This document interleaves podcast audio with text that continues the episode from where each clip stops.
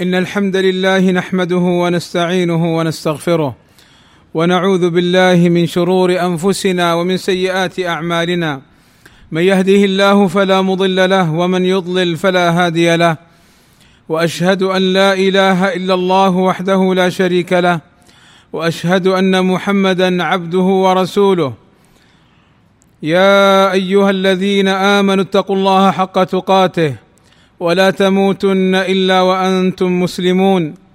يا أيها الناس اتقوا ربكم الذي خلقكم من نفس واحدة وخلق منها زوجها وبث منهما رجالا كثيرا ونساء. واتقوا الله الذي تساءلون به والأرحام. إن الله كان عليكم رقيبا.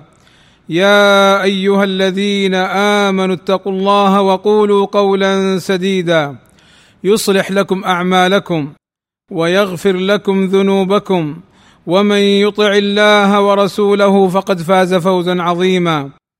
ألا وإن أصدق الكلام كلام الله وخير الهدى هدى محمد وشر الأمور محدثاتها وكل محدثة بدعة وكل بدعة ضلالة وكل ضلالة في النار. أما بعد فقد لا يتيسر الحج لكل مسلم ومن رحمة الله تعالى بعباده المؤمنين أن يسر لهم بابا آخر يحصل فيه أجر عظيم لمن فعله ألا وهو صيام يوم عرفة الذي أخبر النبي صلى الله عليه وسلم أنه يكفر السنة الماضية والسنة التي بعده. فعن أبي قتادة رضي الله عنه قال سئل رسول الله صلى الله عليه وسلم عن صوم يوم عرفة فقال يكفر السنة الماضية والباقية وقال صلى الله عليه وسلم صيام يوم عرفة إني أحتسب على الله أن يكفر السنة التي بعده والسنة التي قبله وقال صلى الله عليه وسلم من صام يوم عرفة غفر له ذنب سنتين متتابعتين. وصيام يوم عرفة مستحب مؤكد الاستحباب وليس بواجب إلا أن المسلم يحرص كل الحرص على هذا الخير العظيم فلا يفوته على نفسه بملذات الدنيا الفانية. ومن كان عليه دين من قضاء رمضان فلا مانع أن يصوم يوم عرفة ثم يقضي ما عليه من قضاء رمضان بعده. ولكن لا يصم يوم عرفة بنية قضاء رمضان. وليس ليوم عرفة لمن لم يحج ذكر أو دعاء خاص بل يشرع لك أن تدعو بما شئت دون تخصيص ذكر أو دعاء معين.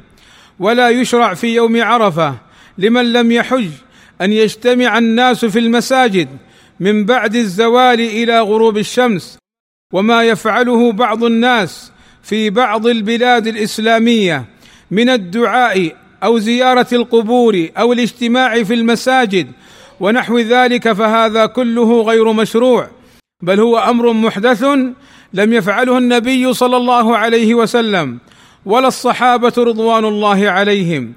وقد أنكره الأئمة قال ابن عون شهدت إبراهيم النخعي سئل عن اجتماع الناس عشية عرفة فكرهه وقال أمر محدث وقال شعبة سألت الحكم وحمادا عن اجتماع الناس يوم عرفة في المساجد فقال هو محدث أي أمر مبتدع لا يشرع.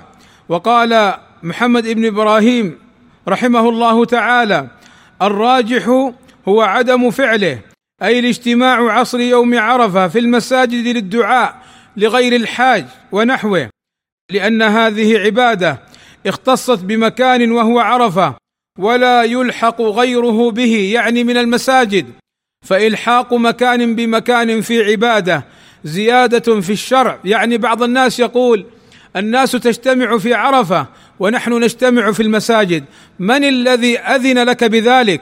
ومن الذي شرع لك ذلك؟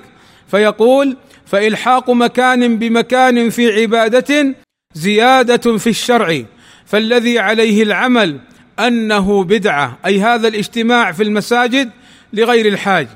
والله أسأل لي ولكم التوفيق والسداد وأن يغفر لنا الذنوب والآثام إنه سميع قريب مجيب الدعاء. الحمد لله رب العالمين. والصلاة والسلام على المبعوث رحمة للعالمين وعلى آله وصحبه أجمعين. عباد الله من رزقه الله الحج في هذا العام وحصل على التصريح للحج فأسأل الله أن ييسره له وأن يتقبله منه وأن يكون داخلا في قول النبي صلى الله عليه وسلم من حج فلم يرفث ولم يفسق رجع من ذنوبه كيوم ولدته أمه وفي قول النبي صلى الله عليه وسلم الحج المبرور ليس له جزاء إلا الجنة. قالوا وما بره؟ قال صلى الله عليه وسلم إطعام الطعام وطيب الكلام.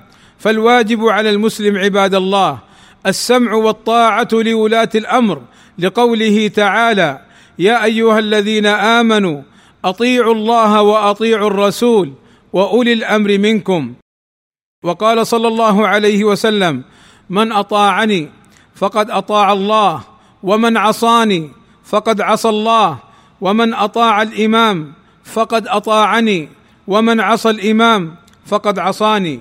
فطاعة ولاة الأمر واجبة في غير معصية الله عز وجل.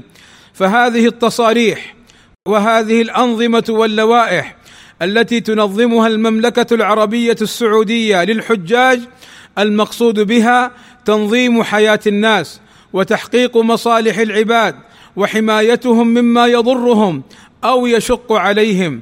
فالواجب على المسلم أن يسمع ويطيع في الأمر الذي يحبه أو الذي لا يحبه وفي ساعة العسر وفي ساعة اليسر في غير معصية الله عز وجل. قال عبادة بن الصامت بايعنا رسول الله صلى الله عليه وسلم على السمع والطاعة في العسر واليسر والمنشط والمكره وأن لا ننازع الأمر اهله فولاة أمرنا في المملكة العربية السعودية. جزاهم الله خيرا. يولون الحرمين الشريفين عناية فائقة خاصة ويهتمون بمشاكل المسلمين ويسعون لإصلاح حياة الناس عامة فجزاهم الله خيرا. فمن لم يشكر الناس لم يشكر الله. عباد الله ويشرع صيام يوم عرفة ولو وافق يوم السبت لأن بعض الناس يقول إذا كان يوم عرفة يوم سبت فلا تصوموا وهذا خطأ لأن السنة دلت على استحباب صيام يوم عرفة. وأما النهي عن صيام يوم السبت فإفراده بلا سبب وأما هنا فسببه يوم عرفة كما في الأحاديث السابقة وبها يشرع صيام يوم عرفة كما قال أهل العلم. اللهم ارضى عن الخلفاء الراشدين أبي بكر وعمر وعثمان وعلي وعن جميع أصحاب النبي صلى الله عليه وسلم وعنا معهم بمنك وكرمك يا أكرم الأكرمين. اللهم آتنا في الدنيا حسنة وفي الآخرة حسنة. وقنا عذاب النار. اللهم فرج همومنا واكشف كروبنا ويسر أمورنا. اللهم وفقنا للعلم النافع والعمل الصالح واتباع سنة نبينا محمد صلى الله عليه وسلم. اللهم اغفر للمسلمين والمسلمات والمؤمنين والمؤمنات الأحياء منهم والأموات. اللهم إنا نسألك الهدى والتقى والعفاف والغنى. اللهم وفق ولي أمرنا لما تحبه وترضاه. وأصلح اللهم به العباد والبلاد واحفظه اللهم من كل سوء وصلى الله وسلم على نبينا محمد وعلى آله وصحبه أجمعين والحمد لله رب العالمين